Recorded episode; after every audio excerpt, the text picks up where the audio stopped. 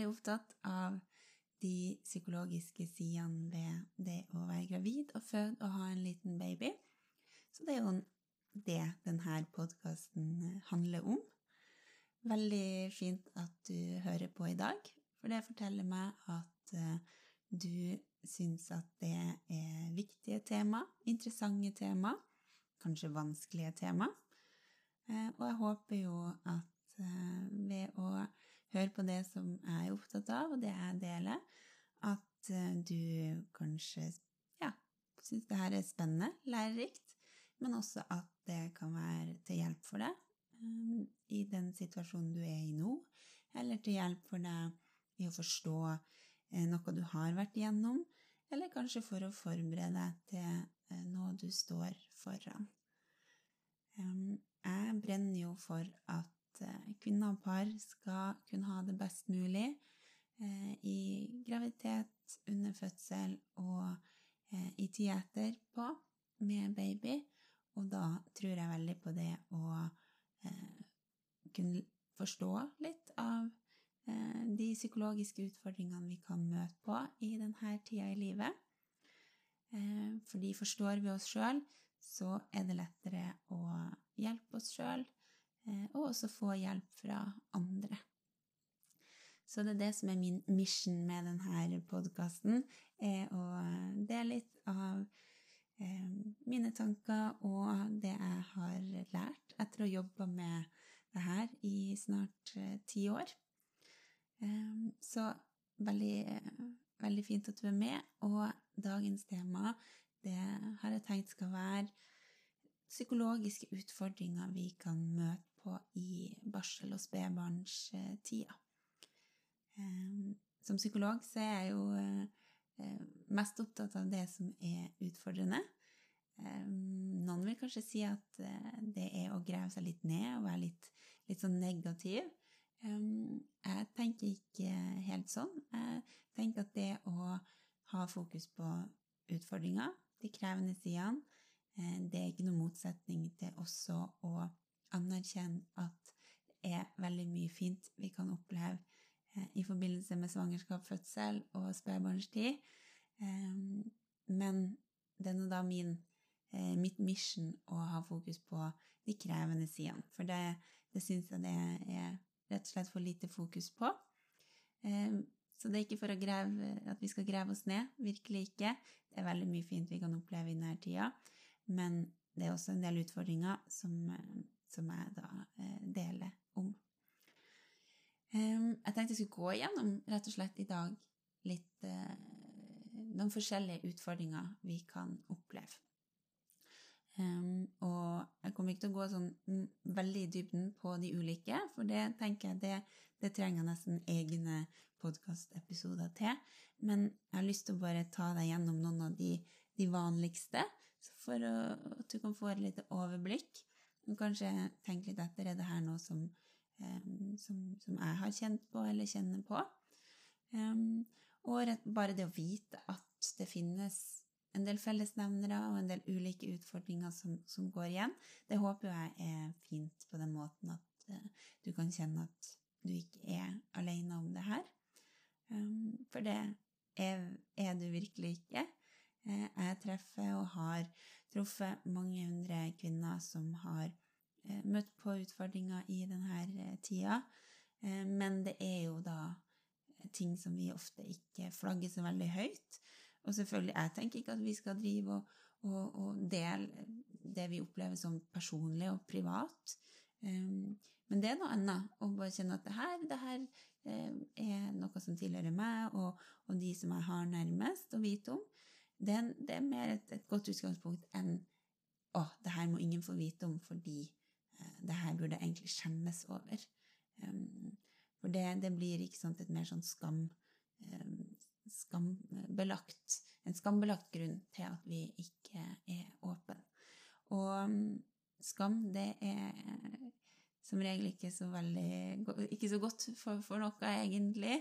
Selvfølgelig må vi av og til ha skam i livet for å liksom eh, holde oss på, på en høvelig, eh, grei linje i livet. Men når det gjelder det å møte på utfordringer i, i forbindelse med svangerskap og spedbarnstid, så tenker jeg at skammen den blir bare en dobbel byrde. Da, da, da bryter vi oss sjøl ned, og det trenger vi virkelig ikke i denne tida. Da trenger vi å bygge oss opp, og vi trenger eh, å bruke kreftene våre på å ta vare på babyen eh, og ta vare på oss sjøl. Så det er en liten sånn kamptale fra meg. Prøv, vi må prøve å få bort skam, vi må prøve å få bort tabuer. Og det her er jo også mitt, mitt bidrag til det. Uh, en, en, ganske vanlig utfordring vi kan møte på ganske sånn umiddelbart etter fødselen, eh, det er det at vi ikke kjenner den her intense morsfølelsen, morslykken, som vi kanskje har hørt bli beskrevet. Fordi noen opplever jo den her intense ah, så fantastisk. Nå er jeg liksom Nå er jeg der som jeg har eh, venta så lenge på, men kjenner den intense lykken over at nå har jeg fått barnet mitt. Um, og vi får jo, hvis fødselen har gått bra, og sånn, så er det jo mange som får en sånn hormonboost også rett etterpå, som gjør at vi, vi kan virkelig kjenne oss eh, veldig, veldig lykkelig. Um, så det er jo både det å kjenne seg lykkelig, men også det å, å kjenne seg knytta til babyen, kjenne at 'Å, oh, nå ble jeg mamma'. Um, og det er ikke sånn at de her følelsene for oss alle liksom bare faller på plass eh, med en gang etter fødsel. Eh, for en del av oss så trenger vi tid, rett og slett, til å bli vant med det her, eh, til å komme til hektene fysisk etter fødsel, men også psykisk, hvis det har, vært en, en, heftig opplevelse. Og vi kan trenge litt tid til å bli vant med det hele og la det liksom synke inn at nå har jeg fått barnet mitt. Så, så, det er viktig å, å um, huske på at hvis, hvis, det er noe, noe du har opplevd, eller, eh, eller, kjenner på noe, at du ikke er noe unormal, eller det er noe gærent med deg, eller at du er en dårlig mamma, eller en dårlig menneske, eller utakknemlig, eller noe sånt. Eh, virkelig ikke. Det kan hende at du trenger litt tid. Eh, og det er en del ting som kan gjøre det, gjøre det lettere å gi plass til de gode følelsene.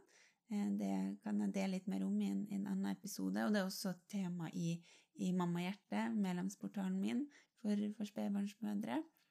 Eh, men det viktigste er at du ikke kritiserer deg sjøl, eller tenker at det her burde du skjemmes over, eller at det kommer til å være sånn her eh, for alltid. For vi, vi, kan trenge litt tid, og trenger å komme litt til hektene etter fødsel.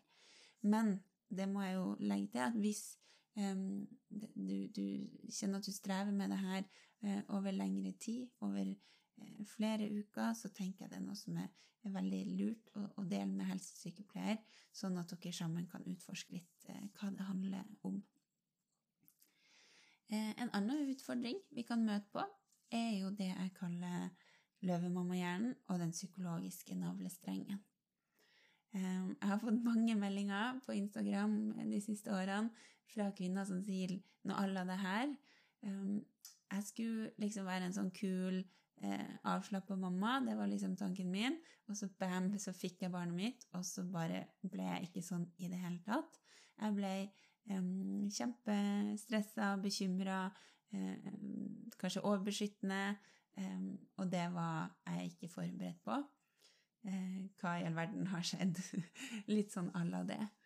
Um, jeg tenker det som har skjedd, det er at løvemammahjernen har kicka inn. Jeg skal ha en egen episode om løvemammahjernen, tenkte jeg.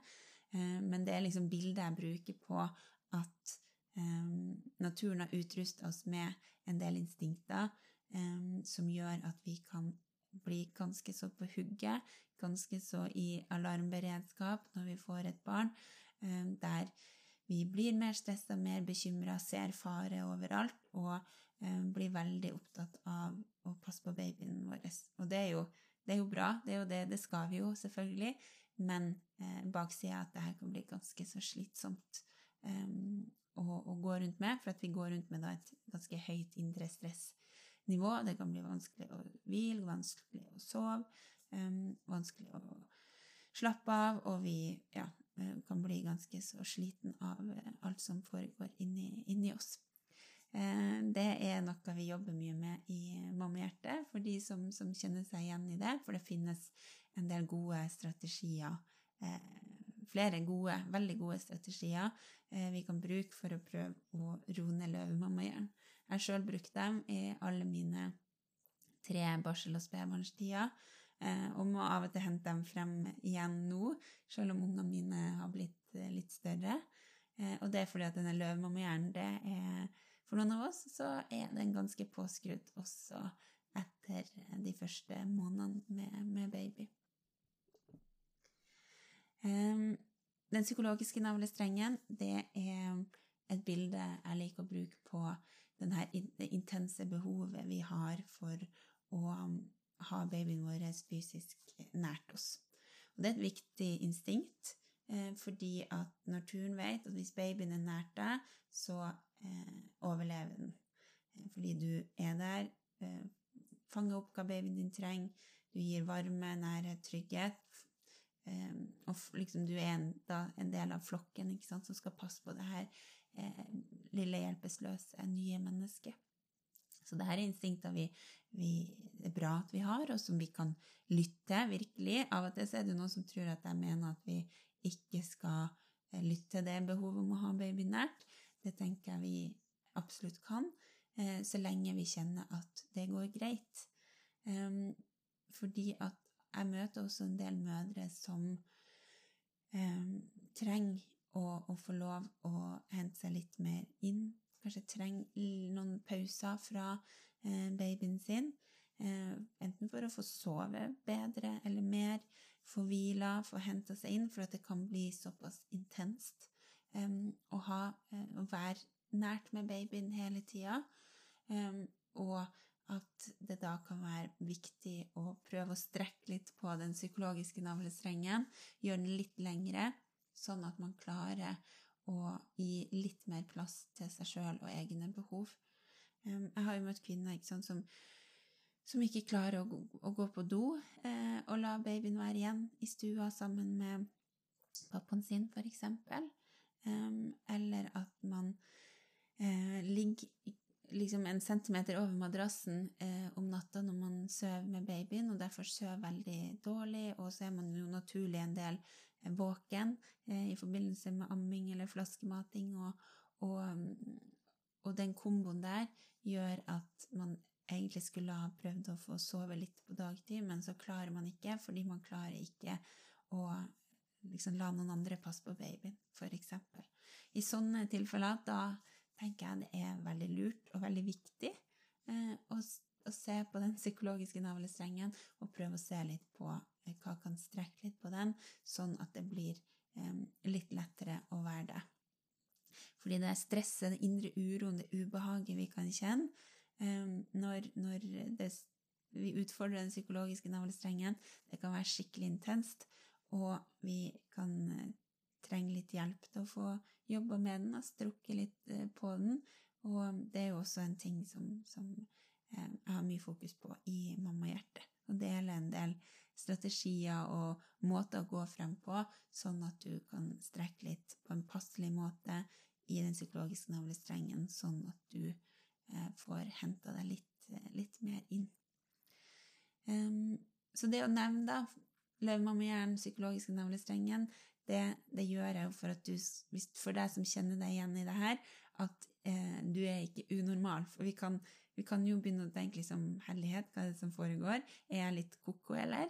Eh, fordi at det her er også Og det, det har jeg fått masse meldinger fra kvinner som, som sier liksom nesten ordrett det. Jeg trodde jeg var den eneste. Jeg trodde jeg var eh, begynte å bli litt gæren. Eh, men det er du ikke. Det er bare eh, komboen av at du bruker så mye av deg sjøl til å ta vare på et lite nytt menneske. Instinkter som naturen har gitt deg for å bygge opp under det at du skal gjøre det, som kan bli litt sånn mye av det gode. Og det er viktig også at eh, du trenger også å ta vare på deg sjøl og, og, bli tatt vare på av andre. Det glemmer vi fort som nybakt eh, mamma. Eh, mange av oss får litt superkrefter og blir veldig gode på å mobilisere krefter og holde hodet over vannet og holde ut. Eh, men det, det er ikke så lurt å holde på der så altfor, altfor lenge, sånn at du tapper deg sjøl og går helt på sparepluss eh, hvis, hvis, det er sånn det har blitt. Så det var litt sånn pekefinger fra meg eh, i dag. Um, da, da, ruller jeg videre til en annen utfordring vi kan møte på, som kanskje som det snakkes en del om. Det er jo ganske vanlig uh, at det blir nevnt at um, får, du en, får du barn, så blir det mye mindre søvn. Eh, så det er kanskje ikke så veldig ukjent. Men det som kanskje snakkes mindre om, er jo de psykologiske effektene av lite søvn eller oppstykka søvn. For det er sånn at vi kan faktisk bli litt sånn engstelig av lite søvn. Det gjør noe med fysiologien vår, det gjør noe med det mentale beskyttelsesapparatet vårt. Vi kan føle oss eh, helt liksom hudløse. Um, føler at vi mister liksom filter. Det skal mye mindre til for at vi blir vippa av pinnen. Eh, vi kan også begynne å kjenne oss litt sånn eh, irritabel, kort lunte eller nedstemt. At det å ha eh, lite søvn innabords, um, det kan gjøre, gi oss et litt sånn deppa slør eh, over, over, livet.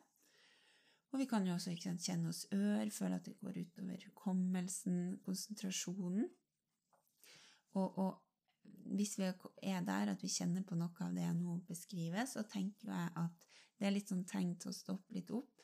Um, selvfølgelig kan vi i perioder fint stå, stå, i det, men hvis det er over tid, um, og, og, også hvis du er kjenner at, at, det er vanskelig for deg å, å ta imot hjelp um, fra partner hvis du har det, eller andre du har nær, kombinert med at du har såpass lite søvn, så tenker jeg at det er viktig å stoppe litt opp og eh, tenke litt over, snakke litt med dem du har rundt deg.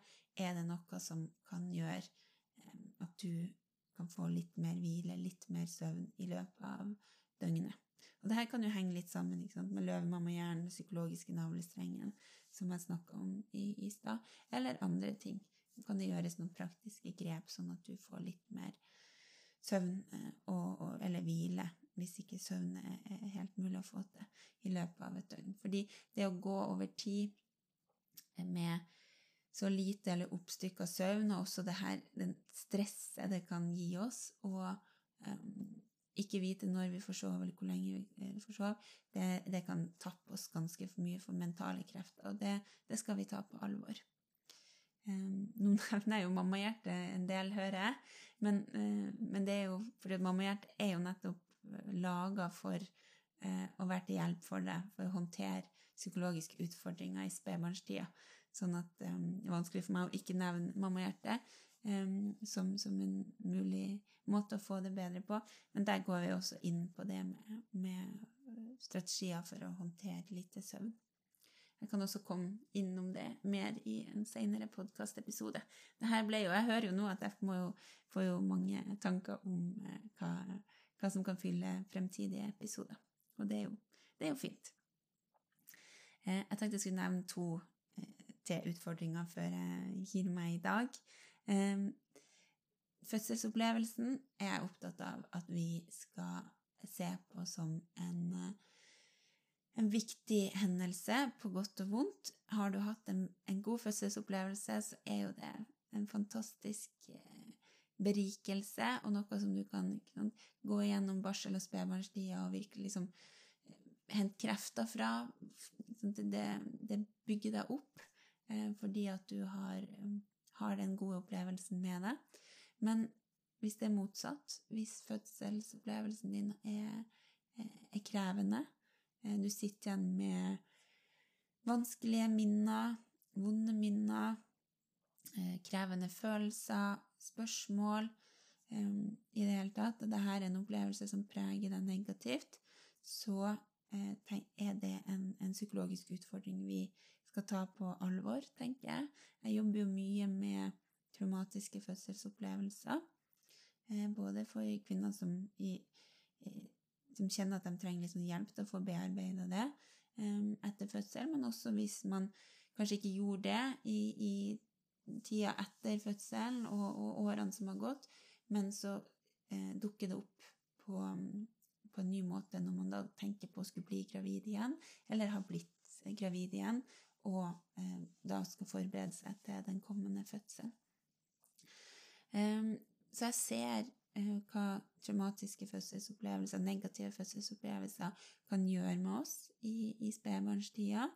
Uh, og jeg tenker at det er viktig å uh, prøve å å, kjenne litt etter på, utforske um, hva kan gjøre det lettere for meg å ha med meg denne opplevelsen i bagasjen. Um, og et, um, et, viktig første steg kan jo være å eh, snakke med helsesykepleier på helsestasjonen om det, eller be om en samtale med jordmor eh, som du gikk eh, til i svangerskapet, hvis det er mulig, der du bor. Det går også an å ta kontakt med sykehuset Eh, for å be om en oppfølgingssamtale der. Det kan man også gjøre selv om det har gått en god stund etter selve, selve fødselen. Så finnes det en del strategier man kan ta i bruk for å, å gjøre en sånn mer sånn psykologisk bearbeiding av det som har skjedd. Og, og det er også noe som jeg guider deg gjennom i, i Mamma Hjerte medlemsportal, um, fordi at det er en del ting man kan gjøre for seg sjøl eller sammen med noen man har nær, som ofte virker veldig forløsende og lettende å plassere liksom tankene og følelsene på et bedre sted enn hvis man bærer det med seg som vonde og ubearbeida tanker og følelser. For da tapper det oss for energi og påvirker oss på en helt annen måte enn hvis vi har, har bearbeida det litt. Så det anbefaler jeg alle å å, å, gjøre. Og kanskje har man ikke tid og overskudd i starten til det, men det er aldri for seint, tenker jeg. Um, og hvis du kjenner at det her er kanskje noe jeg burde ta tak i, så, så ta det på, på, alvor. Den siste psykologiske utfordringa eh, jeg tenkte å komme inn på i dag, det er, er også et, et, stort tema. Det er det med, med fødselsdepresjon, eller barselsdepresjon, som noen kaller det. Eh, det å bli eh, såpass psykisk eh, tappa i tida etter fødselen at vi blir nedstemt og, og deprimert. Det kan vi merke på forskjellige måter. Det er ikke nødvendigvis sånn at man går rundt og kjenner seg bare trist eller veldig trist hele tida. Noen gjør jo det. Men man kan også kjenne seg mer tom, flat, nummen, irritabel. Um, I tillegg til at man kan kjenne seg trist, eller at man kan kjenne seg litt sånn Altså at man ikke har noe, noe glede. Det er liksom eh, Ting gir ikke eh, de samme følelsene som, som, du er vant til. At ja, ting du egentlig setter pris på, gir det. Og um, Fødselsdepresjon tenker jeg er viktig å ta på alvor. Vi vet at en, ja, en betydelig andel av kvinner opplever det i tida etter fødsel, og det kan handle om mange ting. Eh, jeg skal komme inn på det òg i en, en seinere podkastepisode. Men det som er viktig for meg å formidle i dag, det er det at um, det er, vi, vi, kan prøve å utforske og forstå um, hva som foregår. Vi bruker jo av og til uttrykket å, å bli ramma av en fødselsdepresjon. Og, og, det er jo ikke feil å bruke det, men det kan være litt sånn misvisende, tenker jeg. For det er ikke sånn at eh, en depresjon bare liksom ramler ned eh, uten at det er mulig å forstå den. For de aller fleste så kan vi utforske og finne litt mer ut av hva er det som bidrar til at det er så vanskelig å være der nå. Og gjør vi det, så får vi også en pekepinn på hva trenger du for å få det litt eh, lettere? Så det er viktig for meg å, understreke at jeg tenker at vi skal ikke bite tennene sammen for lenge i denne tida i livet, um, og heller ikke gå holde ting inni oss um, for lenge. Um, nevn det for helsesykepleier, for de er der også for, for din helse og din psykiske helse. Og hvis ikke helsesykepleier er aktuell for det, så er jo også fastlege en, en person som skal være til støtte også når det gjelder sånne her eh, ting. Um, ja, da har jeg nå vært innom mye, syns jeg, um, på ganske så kort tid. Jeg håper det her ble en ok intro eller oversikt eh, for deg, og kanskje har gitt deg noen nye perspektiver, noen nye tanker som, eh, som du kan ta med deg. Eh, så kommer jeg tilbake med mer om de her ulike temaene etter hvert. Og mm, tusen takk for at du har hørt på i dag. Det setter jeg veldig stor pris på. Og jeg håper du fortsetter å lytte innom etter hvert som det blir eh, flere episoder. Er du nysgjerrig på det jeg driver med som psykolog, eh, så ta en kikk på mammakurs.no. Der finner du mer info om mammahjertet, som jeg har nevnt eh, i dag, men også min fødsel, som jeg har der. Fødselsforberedende kurs for, for deg som er redd for å føde eller har fødselsangst. Um, og også parkurs oss to, som er spesielt laga for eh, blivende foreldre og småbarnsforeldre. Takk for nå. Vi høres.